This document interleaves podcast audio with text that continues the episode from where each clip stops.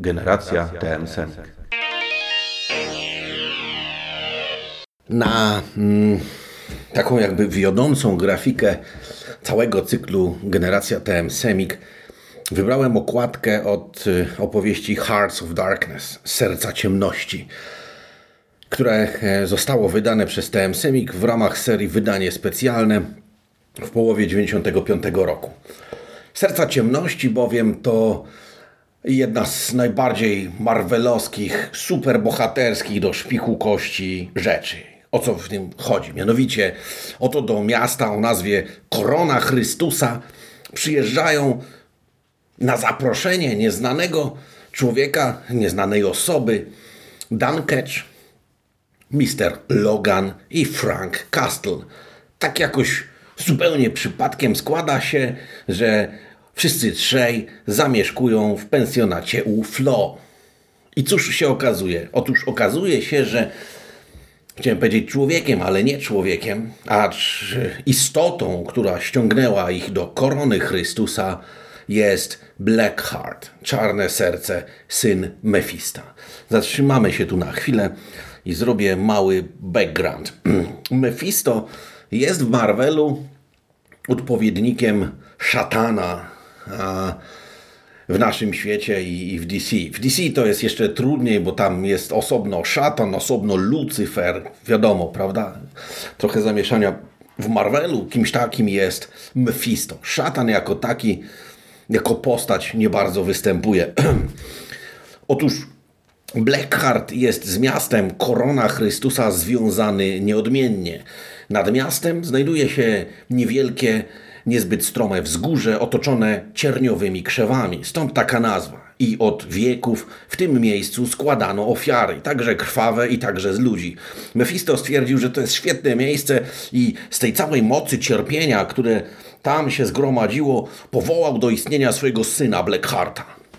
Blackheart, ucząc się ojcowskiego rzemiosła, czyli bycia diabłem wcielonym, zmierzył się najpierw z Daredevilem i Spidermanem, próbując skorumpować ich, ale jak to z bohaterami, nie wyszło mu. Podjął więc następną próbę i ściągnął tych trzech ludzi: Logana, Franka Castle i Dana Ketcha, czyli superbohaterów, których znamy odpowiednio jako Wolverine, rosomak z metalowym szkieletem i tnącymi wszystko szponami. Punisher, czyli po naszemu w tym semiku pogromca, człowiek, któremu gangi narkotykowe zabiły całą rodzinę, a on stwierdził, że jest to najlepszy powód, żeby od tej pory przez życie iść z dymiącą lufą i strzelać do każdego, kto popełnia przestępstwa. Oraz najpotężniejszy z nich, Ghost Rider, wcielenie demona Zaratosa, człowiek jeżdżący na płonącym motocyklu z płonącą głową, ubrany w motocyklowe skóry i wymachujący łańcuchami, które bywa, że również same płoną. Tych trzech ludzi ma to do siebie, że nie są typowymi superbohaterami. To nie są spandeksowskie miłe chłopaki.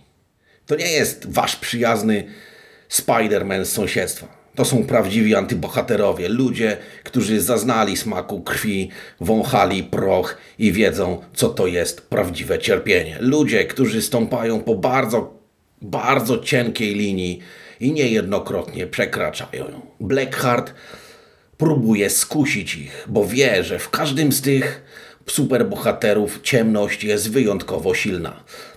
Nie bez powodu jednak są oni superbohaterami i Cały zeszyt kończy się niewiarygodnie pompatycznym, ale na wskroś marvelowskim stwierdzeniem. Nie ma znaczenia, mówi Dan Ketch, a jego głowa stoi w płomieniach, zaś w jego duszy szaleje demon Zaratos.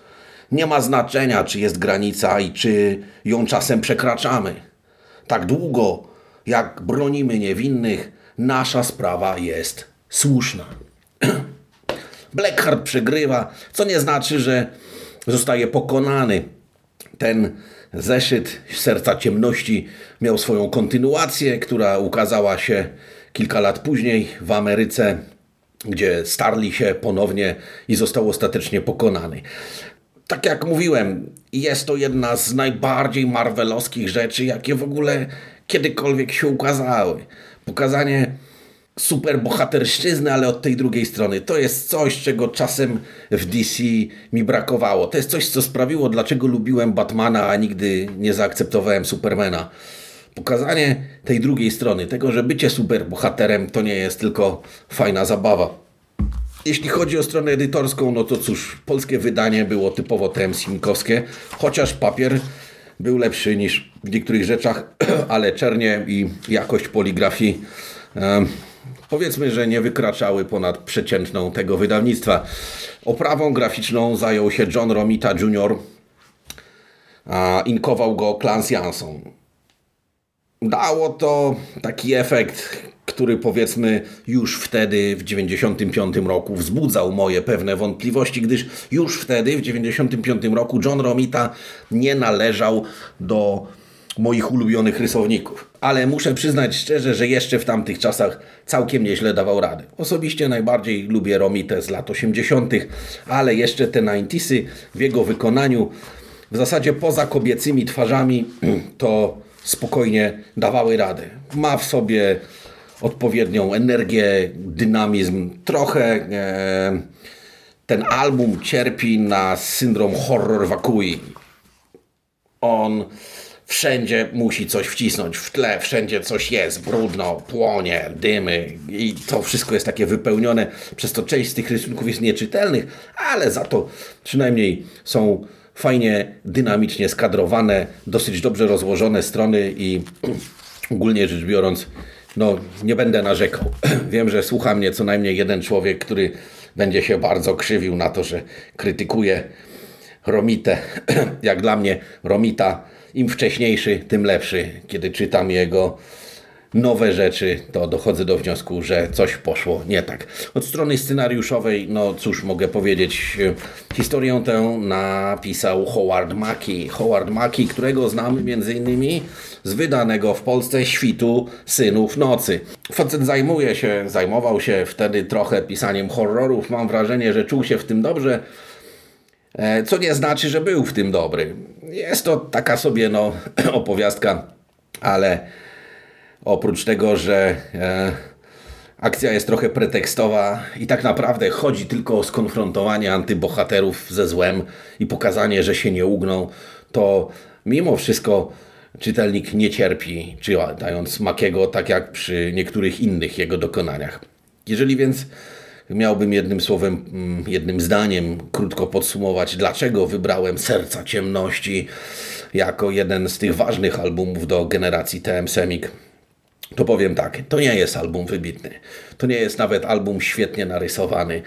To nie jest album mega wciągający. Czyta się go bardzo szybko, bardzo krótko, ale jest on właśnie kwintesencją tego wszystkiego, czym komiksy e, przełomu lat 80. i 90. były. Jest barwnym popisem trykociarskich, efekciarskich wydarzeń, zdarzeń, walki charakterów potęg, mocy nie z tej ziemi, prosto z piekła, z którymi przychodzi się mierzyć ludziom tylko i wyłącznie po to, żeby mogli się potem odwrócić plecami do eksplozji i powiedzieć może nie jesteśmy dobrymi ludźmi, ale przynajmniej jesteśmy dobrymi superbohaterami. Jeżeli uda Wam się kupić to wydanie, prawdopodobnie nie będzie kosztowało więcej niż 20-30 zł, to uważam, że warto po ten album sięgnąć. Pozdrawiam.